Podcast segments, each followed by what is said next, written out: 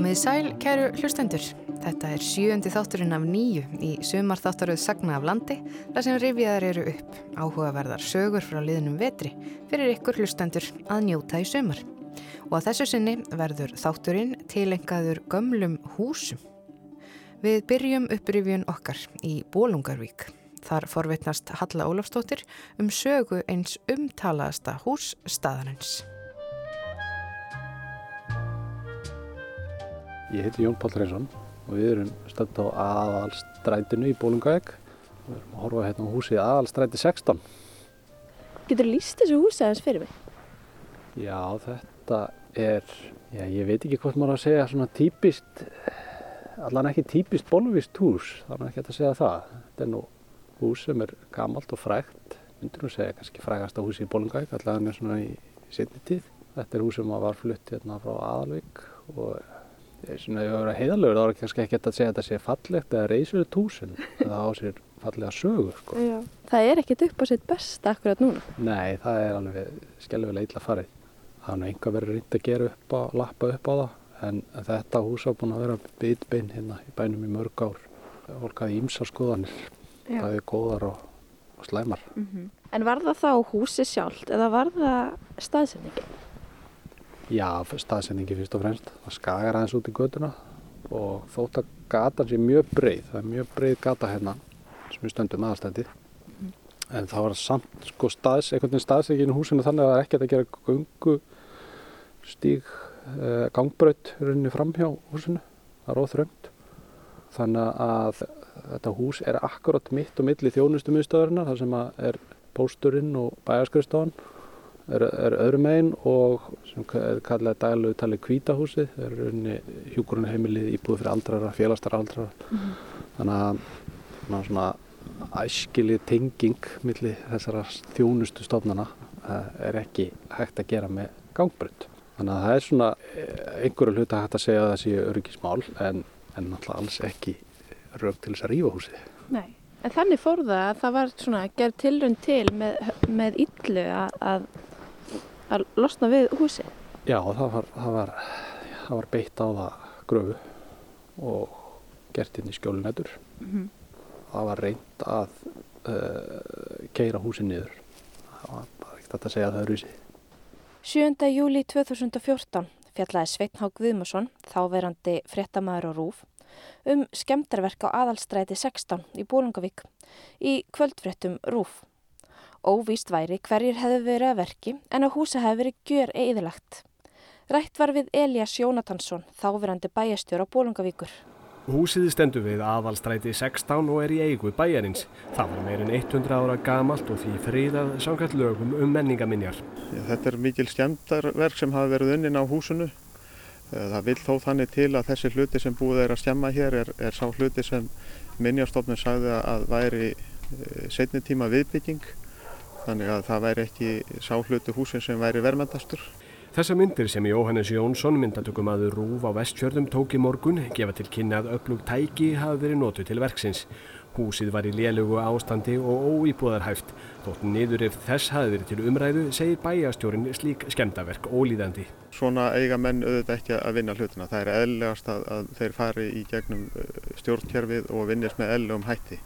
Það eru auðvitað þannig að það geta verið skiptar skoðanir manna á ymsum hlutum sem snúa bæjarfélaginu en það þarf að fara í sin eðlega farveg. Lauraglann á vestfjörðum vinnur að rannsók málsins og býst Elias við að það upplýsist innan skams. Þetta eru sjómasfréttum 7. júli 2014. Dægin eftir höfðu orði vendingar í málinu og Sveitn Hákviðmarsson sæði eftir frá í hátægisfréttum 8. júli 2014. Bæjarífurvöld í Bólungarvík hafa haft samband við lögreglu vegna símtals frá manni sem viðurkendi að hafa skipulagt gemdarverk á fríðuðu húsi í bænum. Minjastofnun segir ljóst að lög um menningarminjar hafi verið brotinn og hyggst kæra verknaðinn. Greint var frá uppljósturinn mannsins á VF Devaf nú á 12. tímanum og Elias Jónatansson bæjastjóri í Bólungavík staðfesti það í samtali við fréttastofu Rúf. Hann sagði mannin hafa viður kent að hann bæri ábyrð á verknaðinum en ítrekkað að hann hefði ekki unnið skemdaverki sjálfur. Elias tilkynnti laurugluðu um málið. Lauruglan á vestfjörum sem fer með rannsóknina staðfesti í morgun að einn eða fleiri hafi verið yfirheyrðir. Hún hvetur alla þá sem hafa upplýsingar um málið til að gefa sig fram. Húsið að aðalstræti 16 var byggt árið 1909 á Látrum í Aðalvík og fluttir Bólungavíkur nokkurum árum síðar. Sögum aldurs var það friðað.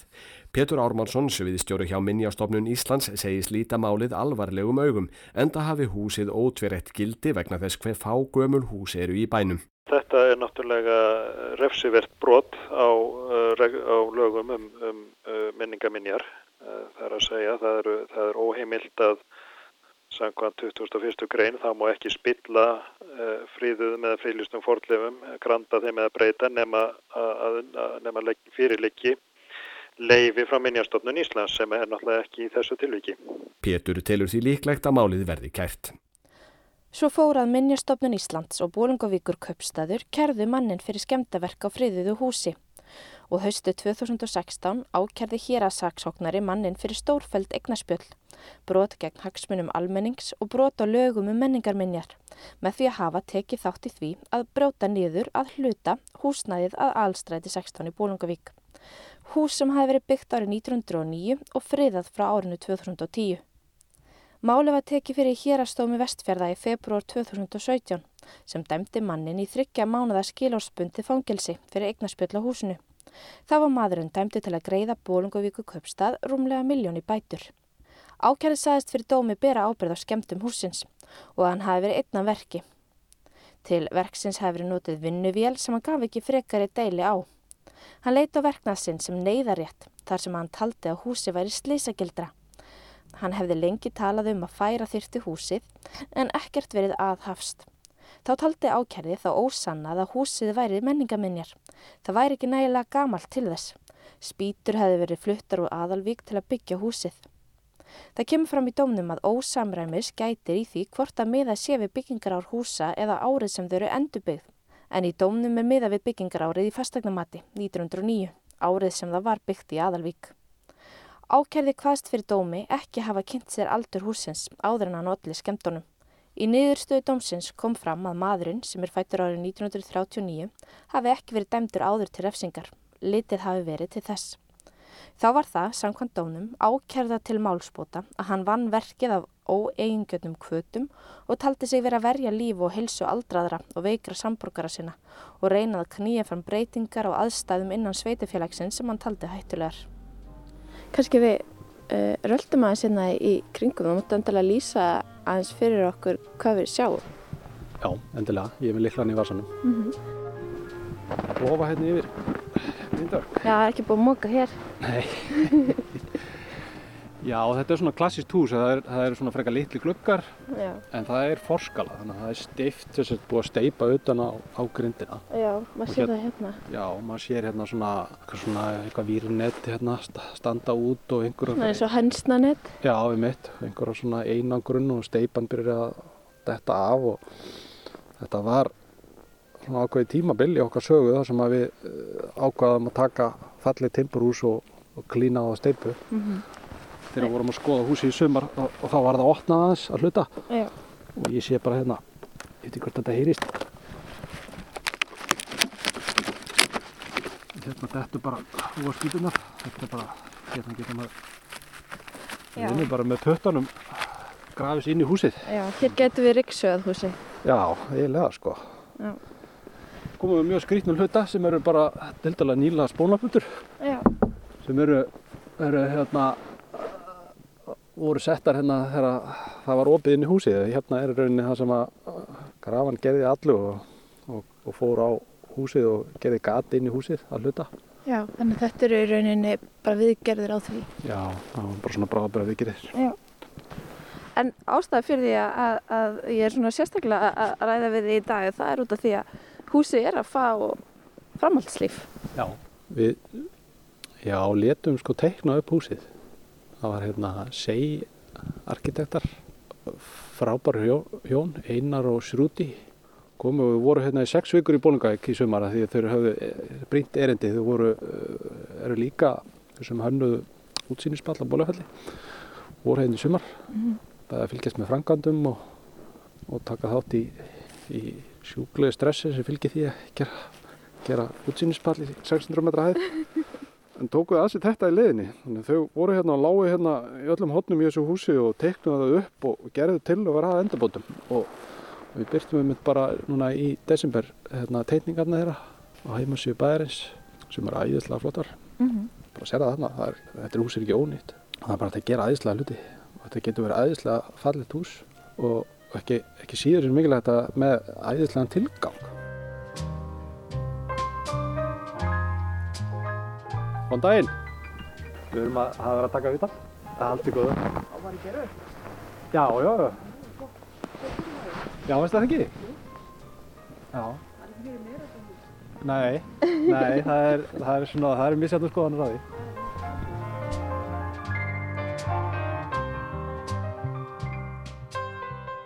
Ef að Já. skoða hvernig þetta lítur út og hvernig þið sjáu fyrir ykkur að, að lappa upp á það. Já, endilega. Þetta er spennandi, það er langt sem ég er komin um.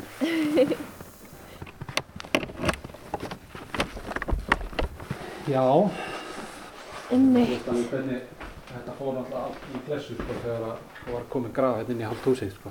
Að Það var tekið hérna ráðist á hotnið en það er eins og oft með hús og maður eru heyrt sögur, ekki bara bólungaækand, bara allstaðar.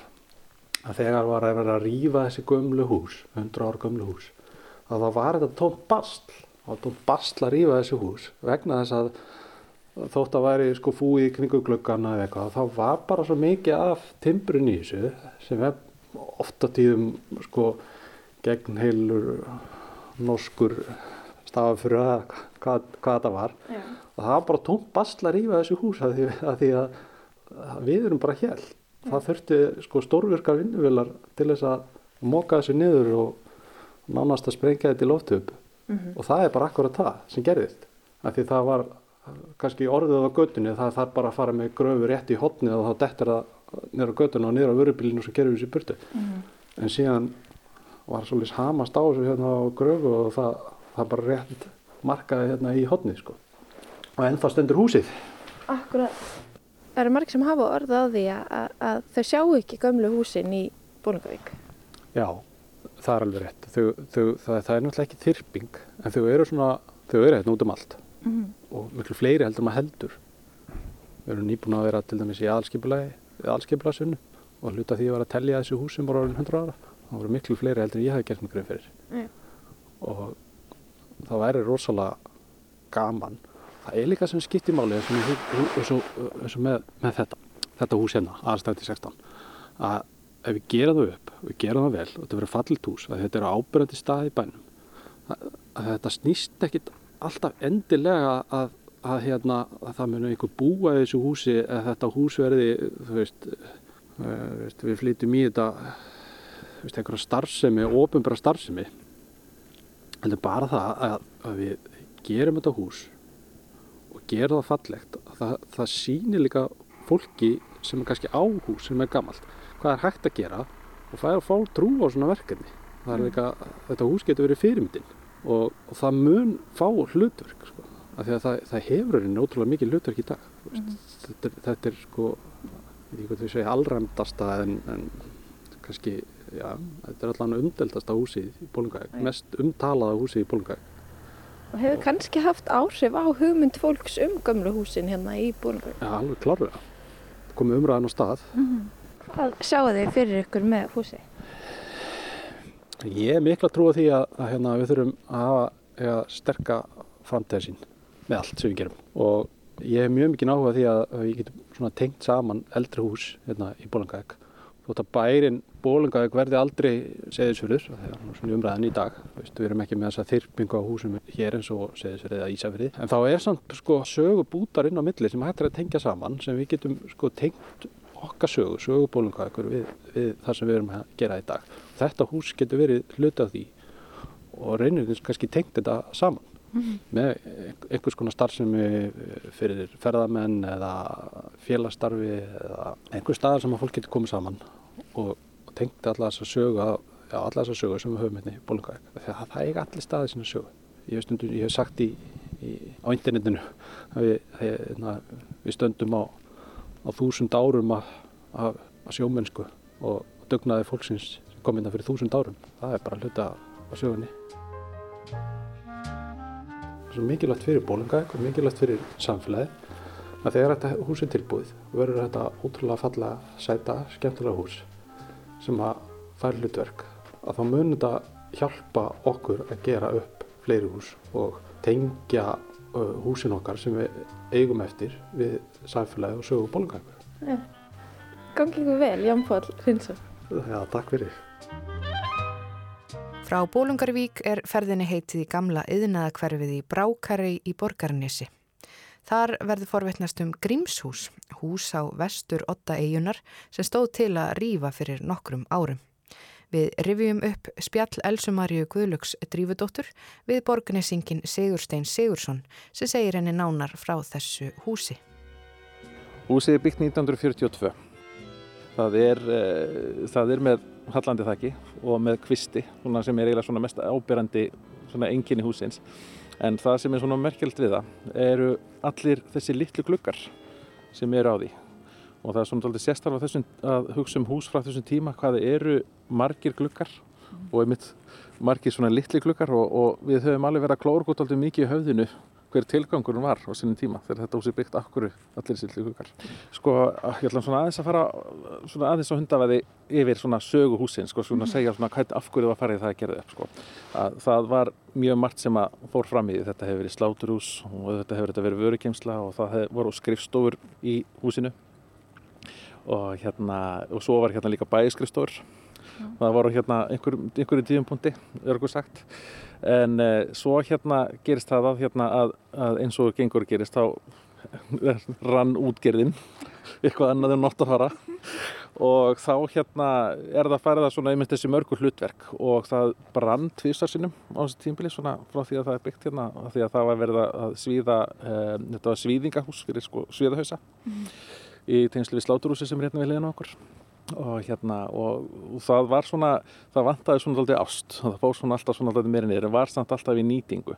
Og stóð aukt mjög lengi og þar til ársins 2000 og þá er ákveðið að hérna þá er bærin búin engast og þeir, það er ákveðið að það sé rifið.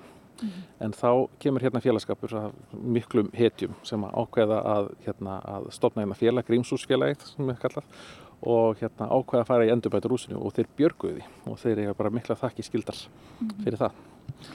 En e, e, þetta er svona, fólk hefur kannski haft skiptar skoðanir á þessu húsi, það er ekkert sérstaklega gamalt, það var orðið mjög ljótt þarna á þessum tíma og þá voru kannski margir sem hlindir því að það erði rifið. Af hverju, hvers vegna bjarga þessu húsi frekar en einhverju öðru?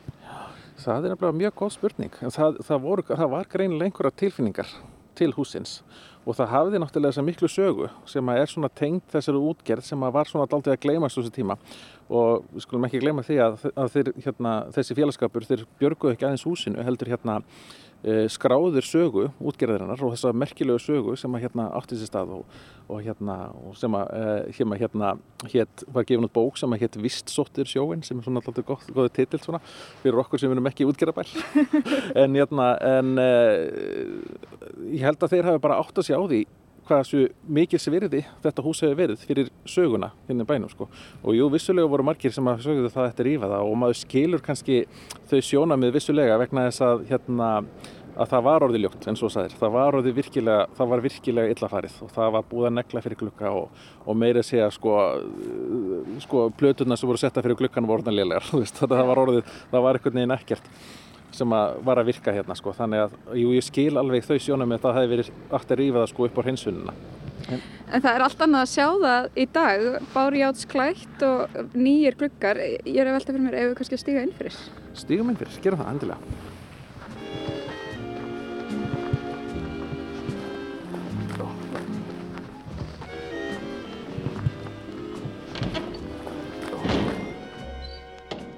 Herðu, nú erum við komin inn fyrir og hér er hátt til lofts og margir glukkar, mm -hmm. svo sannarlega.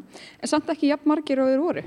Nei, þeir voru nefnilega miklu fleiri og það var svona bara af svona ymsum ástæðum, svona praktískum ástæðum var ákveð að loka þeim nokkrum. Mm -hmm. En þeir voru sko, það voru litli glukkar alveg nýri við golf og, og við sáum það líka bara svona á þegar maður rínir svona í líkansbyggingunum húsinu að hérna það voru glukka, glukka, efri glukkarnir voru niður við golf líka sko þegar efra golfi var á sinni tíma mm -hmm. Og maður veldir fyrir sér mitt það hefa verið einhverjar ástæður. Kannski voru þetta hugsað sem loftræsti op eða eitthvað svo leis ef við vitum það ekki.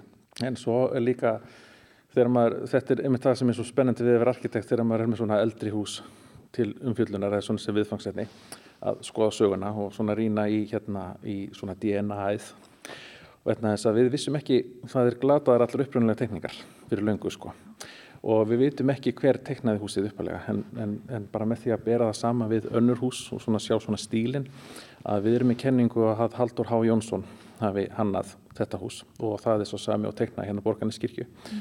og, og hann er líka teknaði Hátiskirkju í Reykjavík og, og bændahöllina og svona fleiri svona hús sem við þekkjum vel hann var nefnilega borgnesingur og hann á mörg hús hérna í bænum það er svona karakterenginni mm. á milli þessara bygginga Og Þú ert með í þessu ferli að endur vinna þetta hús og, og koma því aftur í stand og síðan hvernig var þetta ferli við að ákveða hvað er þið af því? Hva, hvert er næst, þess næsta hlutverk? Já, og sko, það er nefnilega, það er góð spurning sko, því að sko saga þess að hús heldur áfram að vera skrautleg og skemmtileg sko. Uh, Grímshúsfélagið, þeir hérna höfðu það alltaf að leiðljósi að þetta er því lifandi hús. Mm að það virði hérna starfsemi, þetta yrði ekki svona, svona eitt af þessum húsi sem eru gerð upp og standa svo bara ónótið og reyð og einhver svona til gags. Eh, þau, þessi félagskapur sált fyrir sér hérna einhvers svona kaffihúsi eða veitingasala en Jattrand sáðu líka fyrir sér að, að, að það, þeir myndi svona gefa það frá sér og einhver annar myndi taka við því og sjá um reksturinn. Mm. Og hérna, en þá gerist það að það er eh, hérna, önnur atvinnustar sem hinn er borgansi sem er hérna vínframleysla og það er, vita kannski ekki margir að því að hérna hefur verið framleitt alveg gæða gín í, í alveg yfir 20 ár sko, sem heitir Martin Millerskin og e, það gerist það að það eru koma nýjir eigandur að, því, að þessu brandi og þetta er alþjóðlegt fyrirtæki. Og þeim langar til þess að gera einhvers konar gestastofu. Og þetta er svona doldið góð saga að hérna markaðsmaðurinn hérna út í London, hann hérna fekk skilabóð, eða reyndar ekki marg, eigandin fyrir ekki sem fekk svona skilabóð og hann ætti að fara til Íslands og finna þetta hús. Það ætti að vera einhvers vegar borganessi og ætti að líta svona út sagði hérna, og sagði hérna sem smarkaskórin og teiknaði svona riss á, á svona bara held ég að umslaga eða eitthvað sko og hann fyrir með þetta umslag. Og ég er ekki að ljúa þessu. Og kemur hérna neyri brókarei og sér þetta hús. Og þetta er bara sama húsið. Og þá er það bara og þetta er, og þetta er alveg magna og þá var búið að bjarga því sko. Og þá var það komið hérna upp úr, upp úr jörðinni og orðið eins og það er í dag. Og e, það tók við þá hérna nýtt ferli. Í að endur hana þetta þannig að þetta aðlæðist til e, starfsemi. Og þeir langaði til þess að, að vera með framlegsli hérna líka. En svo gekk það bara ekki upp að svona praktískum andriðum og þá snýrist konceptið aftur á husir sko. Mm -hmm. þannig að nú kemur hérna enn einn enn einn nótguninn sko að hérna þetta hús hafi verið nýtt sem síningarými fyrir Plan B Artfestival hérna í Borgarnesi og hafi virkað rosalega vel sem síningarhús eins og sér bara hérna við lýsum hérna eru engir innveikir en eitt svo leys og, og mjög bjart og flott rými mm -hmm. og uh, hérna eigundunir fengu afspörðin þessu og sáu myndir og svona frávísum viðbyrði sem er mjög flottur viðbyrði hérna Plan B Artfestival og þeir sem er bara ginn og list. Kunum ekki blanda þessu tömur saman. Þannig að núna er hugmyndin að það verður byggð hérna smá viðbygging hérna við hliðin á eh, sem er nú eiginlega bara svona frekar lítil þar sem að ámur sem að genið er látið eldast í eru geimdar og svo verður hérna búið upp á vinnustofur fyrir listafinn og svona lítið galleri sko, það, það kemur nú hérna önnur svona hæð hérna ofan á sem er svona yfir hluta á gólunu mm. og það er hugsunin að listamenninni verður með svona vinnaðstöðu og að það kemur nýr kvistur hérna þar sem hægt er að ganga út á þakið á viðbyggingunni og með útsýni hérna yfir borgarfyrin sem er alveg bara stórfenglegt sem lýsiði fyrir sko öllum. Og, og, og þetta á að vera svona lifandi hús þar sem að listamennir eru að vinna og svo endar, endar þeirra hérna að vera hérna því að þeir sína afræsturinn og það verður alltaf opn bar sko. Þannig að það er hægt að koma hérna og sjá hvernig gínið er framleitt, hvernig það er til og kíkja ámyndan og svo list þannig að þetta er svona samsviða. Mm -hmm og það er svona nýja hérna, þeir segja það svo þýðað yfir íslensku að hérna Martin Millers hann snýst um breytingar og sköpununa og aðlagast breytingum sko. og það er bara svo sannlega grímsúsið sko.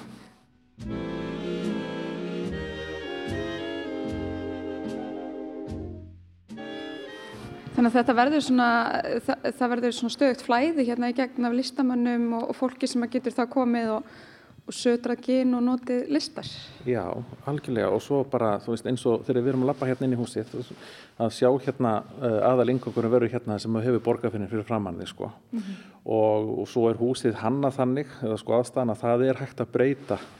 Það, það er ekkit að aðal yngangurinn hafi verið kannski þarna á morgun það verður kannski farin bara, þú veist, neyðarútgangurinn verður kannski verið aðlingangur og svo bara hérna, svo, og svo hérna ég glemdi nú að lýsa því á þann að hérna er stór svona vöruhurð sem hægt er að opna alveg upp á gátt og þá horfum maður vestur og þá sé snæfisjökullin sko, þannig að þá er þetta bara hugmyndin er þetta svona hús sem er aldrei eins. Það er bara svona, og það er eiginlega bara eins og ég sagði á þann, þetta er bara svona daldið karakter grímshúsins það verður að viðkennast að þetta er svolítið sérstök hugmynd að vera með þessa genframleyslu og svo listamannarími komandi engum spánst fyrir sjónir, þessar hugmyndir? Sko fyrir, uh, fyrir listamennina hérna í Borganesi þá fannst þeim þetta að vera svona, svo við sletti, bara no-brainer sko, þeim fannst þetta alveg og enda var það þannig að svo þegar COVID skellur á þá náttúrulega verða öll þessi plön sett á ís og og hérna aðalskrifstofunar hjá þessum eigundurum eru í London og Madrid þar sem að veiran hefur verið mjög skæð og hann hefur haft mjög slæm áhrif á bara starfseminna hjá fyrirtækinu. En þeir eru samt mjög fullir eldnum og alltaf klára þetta.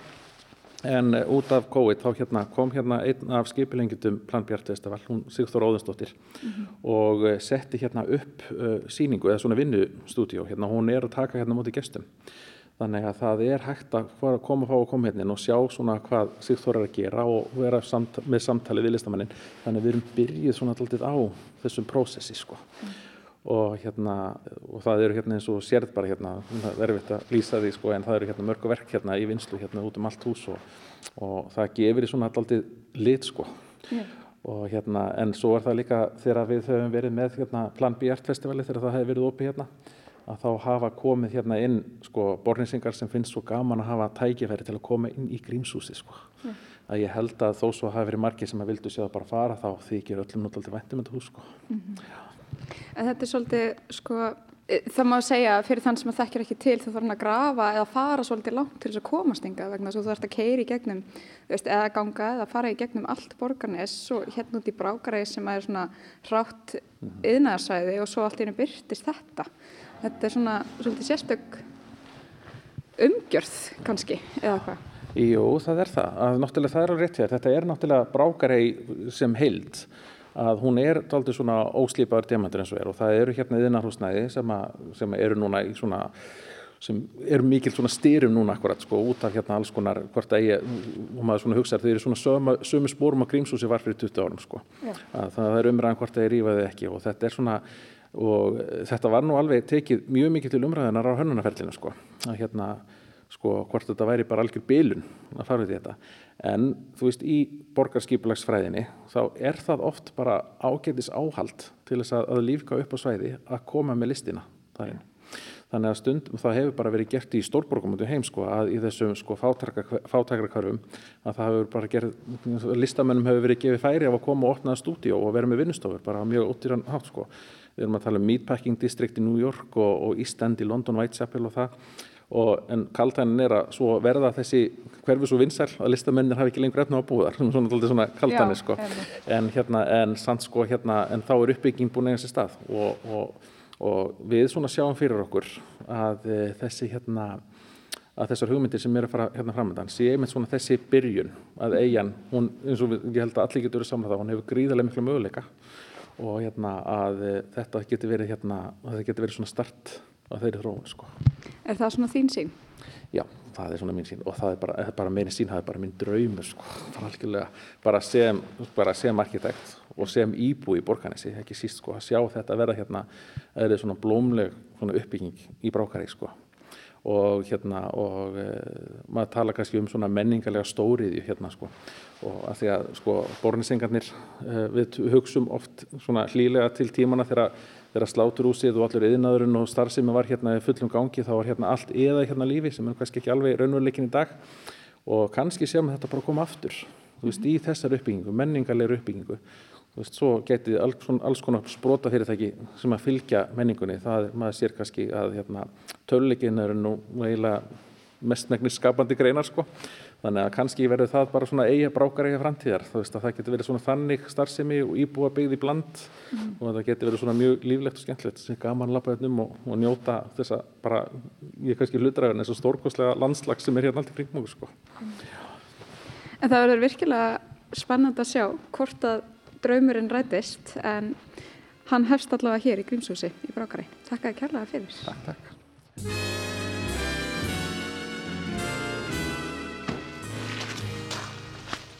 Frá Brákarei til Selfoss. Margrét Blöndal tekur nú við. Kæru hlustendur, þá rifjum við upp lönguliðin dagskrálið sem kallaðist Lesið úr landsmálablöðunum. E, reyndar er bladið sem við erum með í höndum bara eitt, en stendur sannlega fyrir sínu og í raun er það algjörlega ómissandi vilji maður sem nýbúi á vestanverðu Suðurlandi vita hver er hvað og hverju hvers og hvað er í gangi. Nú í mæ byrtist frétt á fórsíðu dagskrárinnar, fréttablaði Suðurlands, undir fyrirsögninni Líf og fjöri tryggvaskála á Selfossi í sumar. Fréttin greinir frá því að nú hafi þau, Tómas Þórótsson, Ívar Þór Eliasson og Margret Guðjónsdóttir tekið við veitingarekstri í húsinu og að þessi ekki langt að býða að það verði opnað fyrir gestu. Tryggvaskáli er elsta húsið á Selfossi og á sér merka sögu. Undir lók síðustu aldar var húsið í algjöri niðunýðslu og hefði sennilega verið rifið ef ekki hefði komið til hópur fólks sem að einhemdi sér í það verkefni að gera húsið upp og bjarga þannig ómetanlegum menningarverðmættum.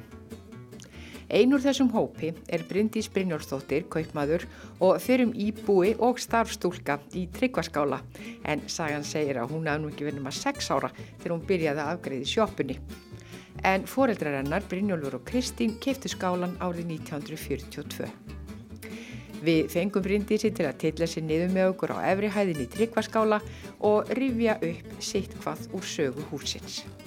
Hún er laung, 130 ár núni í haust.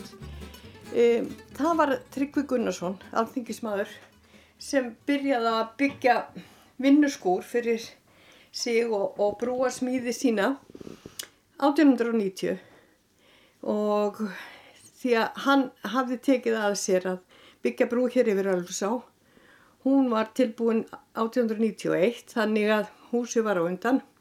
Þannig að það er fyrsta sem er byggt það er vinnurskúr fyrir Tryggva Gunnarsson. Og þetta er elsta húsið á Selfossi? Já, það, það, það voru Selfoss bæirnir svo kalluðu voru eina húsi hér áður. Og en bærin sá fós í jærskjálta þannig að þau verða endur byggja annað hús og þar að leðandi var tryggvaskáli elsta hús Selforsbæjar. En svo er farið að byggja við og hvena kemur þú svo í þetta hús? Ó, heyrðu, það, það er náttúrulega lungbyggingasaga þánga til ég fæðist. Það er byggt við til vestus og svo er byggt austur og, og svo er byggt ofan á og ymmit á þeirri efri hæð þar fæðist ég árið 1945 því að þá höfðu foreldra mínir tekið við Keftrikvaskála 1942 og hér fæðist ég upp á lofti berginu því að þau byggu alla tíð í húsinu þó það væri hótel með gesti í gistingu og þá byggum við alltaf hérna einnig. Hvernig var lífið hérna þegar þú varst lítil að skottast þér um þessa, þessa ganga? Það náttúrulega eh, var bara óskaplega gaman. Það var, það var bæði fyrir lítinn krakka náttúrulega með allt þetta fólk.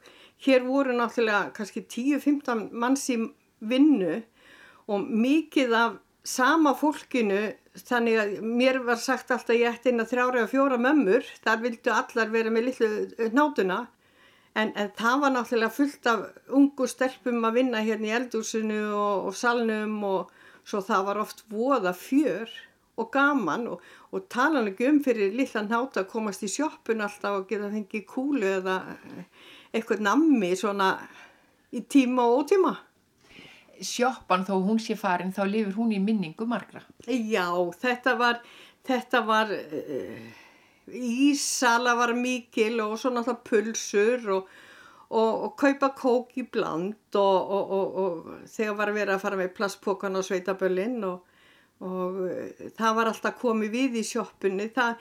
Í þá daga var bara vegalindin frá Reykjavík, hún var ekki svo greiðfarin eins og hún er í dag og það var bara komið tími til að fá sér hressing og fara á snýrtningu í þá daga. Og þá var stoppað í tryggvarskála? Já, það, það, var, það var mikið um það og, og, og bæði var hægt að fara hér inn og fá sér mat eða, eða kaff og kökur en, en uh, sumi liti sjóppin að duga og, og þetta var alltaf eitthvað við allar hæfi. Þegar að sko Selfos fyrir að byggjast upp því að aðal staðurum var náttúrulega Eirabakk á þessum tíma og, og uh, smátt og smátt uh, sjá menn það að, að, að Selfos munu kannski verða aðal staðurinn eða staðsetningin með, með tilliti til sveitana hér í kring. Og, og uh, það þegar að þurfa að fara að kenna börnunum þá var ekkert hús fyrir barnaskólan svo hann var settur inn hér. Síðan þurfti símstöð og, og hún var sett upp hér 1909 og þá voru bara 8 númer. Og Tryggvaskáli var með símanúmi númer 8 og síðan e, þegar að, eh, ákveður er hjá landsbánkanum að, að það þurfa að koma útibú á Suðurland þá eru það náttúrulega miklar umræður um hvað er þetta staðsetja það útibú því að viðskiptin voru náttúrulega eirabakk á þessum tíma. En það varðu ofan á að, að, að Selfos var valinn sem, sem aðsetur landsbánkans og, og þá var náttúrulega heldur ekkit annað hús á Selfossi en Tryggvaskáli Þannig að þeir byrjuðu hér og voru hér í, í rúmt ár þanga til húsir sem við kallum Gamla bankan var flutt á Selfoss og, og útibúið flutt í Gamla landsbankan. Og svo eru foreldraðínir hérna með veitingaregstur, hversu lengi voruð þið hérna? Her, þau voru með veitingaregstur hér í 32 ár. Frá uh, 1942 flyttja þau hingað austur úr Reykjavík og er loka 1974 þegar að Selfossbær kaupir tryggvaskála. Þannig að þau voru hér í 32 ár. Og þar með leggst af veitingaregstur hér er það ekki? Jú, Selfossbær ætlaði að gera upp húsi, það var komið að viðhaldi, búin að lendi mörgum flóðum. Og, og það var komið að viðhaldi og Selfossbær kifti húsið með það á áallun að gera þau upp þar sem þetta væri elsta hús bæjarins og, og mönnu fannst þá það renna blóðu til skildunar að, að halda upp á elsta húsið en svo bara líðu árin og, og tímin og það virtist aldrei nást almeinlega samstaði í bæjarstjórn, nefni bæjarstjórn, að fari í þetta verkefni að gera húsið upp. Selfoss bær notaði þetta fyrir alls konar eh, starfsemi, félagsmálastofnun, ungmannafélagið fekk hérna inni með sína skrifstofur og, og, og, og úlingarnir í fjölbrytaskólanu sett upp kaffihús og það var ímislegt sem var eh, og leikt, sal, salinni voru leiðir út fyrir fermingavislur og fundi og það var alls konar starfsemi hérna. En þá, þá var það vegum hvers og eins þeir gátt að fengið lykt hér inni og ungmannafélagi var hérna alveg með fasta búsetu og þannig að það var mikið nýting á húsinu þó að það væri ekki opið sem veitingarekstur eins og hjá foröldur mínu. En viðhaldi var ekki synd og húsið, ég var komið í daldi slæmt ástand eða ekki? Jú, það, það náttúrulega þarna, þarna bætast við mörg ár og, og ekki skánaða þannig að það var hrópaði orðið á viðhald. Maður sá það langa leiðir. Hvernig fannst þér að lappa fram fyrir tryggvarskála og sjá hann hörna svona? Það var bara ekkert gaman að því að ég vissi alveg forsöguna að, að, að það var selfos bara kifti tryggvarskála til að gera hann upp og, og, og þannig að, að auðvitað fannst manni það ekki gott. En ég satt nú sjálf í bæjarstjórn í 8 ára og það náðist heldur ekki samkomulag þegar ég var þar þannig að þetta var þekkt alveg reynd. En hvað gerist svo? Það var nú skondið, það var ammali hér haldið því að Selforsbar legði stóra salin fyrir til dæmis ammalisvislur og, og vinafólk mitt held upp á 50 ára ammali sitt, þau voru bæði 50 árinu. Og þetta var 1995 og þetta var fallit viður, aprildagur falligur og, og, og það er opið út á hlað og fólk leitað út í sólina og, og við stóndum þarna 5-6 saman í napp og erum að horfa á húsið, gluggana og málinguna og bárujátninu og það verður einhverjum orði og segir óskup er nú að sjá hvernig húsið er orðið og þá segir næsti, já það næst aldrei samstæðum að gera þetta að fara í viðhald. Og þá segir einhver, og því miður munum við ekki hver það var okkur gerum við þetta bara ekki sem hér stöndum? Og já, okkur ekki? Og þá vildi nú bara þannig til að þarna voru nokkur öðlingar í hóp og og þetta fólk sem þarna var var, hvað segir maður lagði grunninn að skálafélaginu sem að tók svo að sér að gera húsið upp. Þannig að, að það var bara þessi hópur sem stóð þarna í 50 samvalinu sem að var þessi valdandi að, að, að skálafélagi var stopnað og, og við hófumst handa þessi hópur að gera húsið upp Uh, áttu það alveg fyrir þessu? Nei, elsku besta. Við, það við náttúrulega, og við eigum þetta ekki, við, við gerðum þetta verkefni að sjálfsegnastofnun, þannig að stofnunin á sig sjálf, uh, þetta var drifið áfram að einlægum áhuga á sögu bæjarins að koma húsunni í, í stand því að tryggvaskáli hafði hann alltaf verið svolítið bæjarpríði margir höfðu ótalminningar eftir komu sína hingað og tvöl þannig að það var svo margt sem lagðist og sveif með okkur en það, það var eina sem kerði okkur áfram að bjarsinin og, og áhugin á málefninu. En Excel skjöl og áallanir þær voru ekki til. Það var bara bjarsinin Og bjartsinni skilaði okkur hingar? Já, það, það, ég er nú oft búin að setjast niður eftir að, að húsið uh, fór í nótkunn og, og, og var leikt út og, og hér hófst aftur veitingaregstur. Oft hugsa til þess bara hvernig gáttum við þetta en uh, þetta var uh, bara ævintýri þegar maður hugsa tilbaka og góðvildin og rektarsemi margra sem að lögðu ótrúlega vinnu í þetta verkefni og við náðum peningum úr alls konar sjóðum sem að, sem að höfðu það markmið að styrka svona verkefni. Selforsbær lagði okkur til í byrjun þegar þeir aðfendu okkur húsið 12 miljónir en við líka legðum húsið út eins mikið og við gátum. Ef það var einhver terbyrgi sem ekki var verið að vinna við þá reyndum við að leia það út. Og þannig fengum við intekt inn og mikla, mikla sjálfbóðarlega vinnu og bara góðvild það, það var, það var sem, sem gerði þetta mögulegt og sem ég skil eiginlega ekki ennþá dag í dag En eins og ég saði í upphafi þá er verið að opna tryggvaskála aftur og, og hér eru nýjir e, rekstra raðilega veitingum en hér er líka verið að opna síningu. Hvað getur þau sagt mér um hann? Já, verkefni okkar sem að, sem að tókum þetta verkefni að okkur að endurbyggja tryggaskála var ekki að húsi væri svo með merkilega byggingasögu.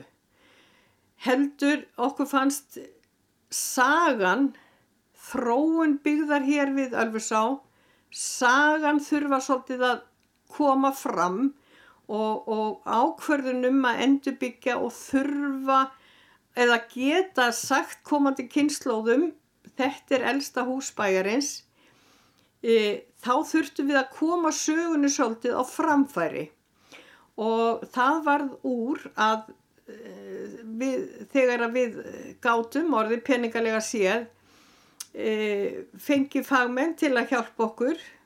Uh, Björn G. Björnsson sáum þessa síningu og, og á þessari síningu sem að búið er að hengja upp og verður opnu þegar að veitingareksturinn opnar þá erum við að segja gestum svolítið frá byrjunni hvernig fyrsta hús Tryggva Gunnarssona leit út og svo, síðan áfram stakkun húsins hvað var hér í húsinu og ymsar upplýsingar sem að fólk getur litið á þegar það kíkir hingað inn og, og, og fær sér veitingar eða bara kíkir inn og skoða síninguna til að koma því til komandi kynnslóða og, og að sagan sé aðgengileg á veggjum húsins þá teljum við að heimsókn í tryggvaskála sé þessi virði að, og fá einhverjar upplýsingar og geta farið í hugan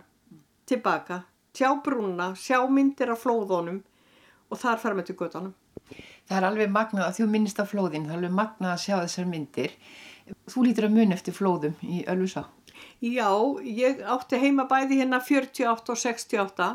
48 náttúrulega man ég ekki eftir en ég veit að þá var róið með mig og bát upp í Hafnartún og, og, og ég var sett þar í pössun að leika við Sigurögnu vinkonu mína uh, og, og þessa tvo daga þegar að eh, fóröldra mínu voru að reyna að bjarga því sem bjargað var hérna á neðri hæðinni og þá, og, og þá uh, það, mér er sagt að þetta hafi verið svona. En 48 náttúrulega mann ég mjög vel 68, fyrir ekki að 68 mann ég vel eftir og, og þar var ansi mikið flóð og það er mesta flóði sem hefur komið og, og náttúrulega skemmtist heil mikið og það kom flóð hér í, í, í bara eh, árvegin allan og í Þóristún og, og klakarnir hérna kirkjan okkar var umlíkin stórum ísjökum og, og það komu ísjakar hér alveg upp á Östurveg og þetta var svaka bara mikið flóð og mikla skemmtir hjá mönnum.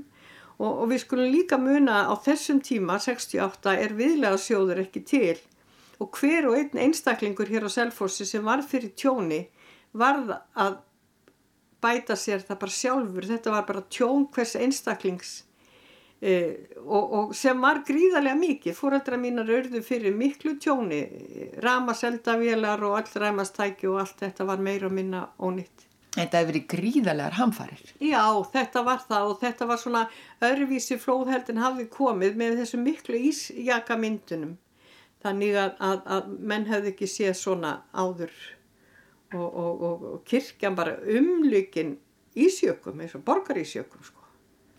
Veistu hvort að fólk kemur hingað og fær sér að borða og svona, já til þess kannski að rifja upp líka eh, eldriferðir hingað, rifja upp minningar Já, það, þegar að hér sko því miður þá, þá uh, var loka hér í oktober í haust en, en fram á þeim tíma uh, var ekki hér uh, veitingastadur og þau segðu mér sem voru hérna að það var mikið um að það var komið með emmu eða mömmu eða sem átti ammali og, og hún hafði unni hérna eða, eða komið hér við þegar hún var á leiði sveitina og, og, og þetta var mjög vinsalt að koma og rifja upp gamla minningar. Og við örðum líka bara vörfið það þegar við vorum að byggja og endur byggja húsið og vorum að vinna hérna.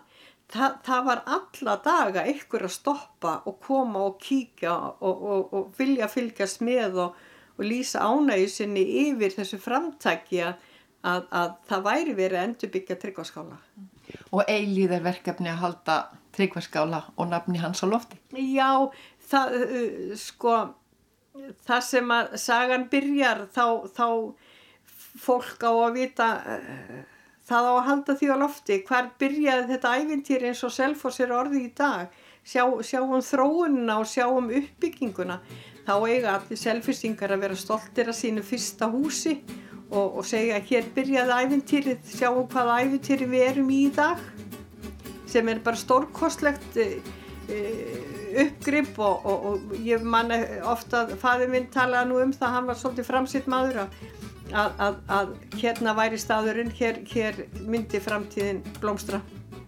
Kærar þakkir fyrir þetta, Bryndís Brynjórsdóttir og svo verður það bara okkar að koma og njóta. Og þá er komið að lokum hér í þessum sjönda þætti sumar þáttaraðar sagna af landi.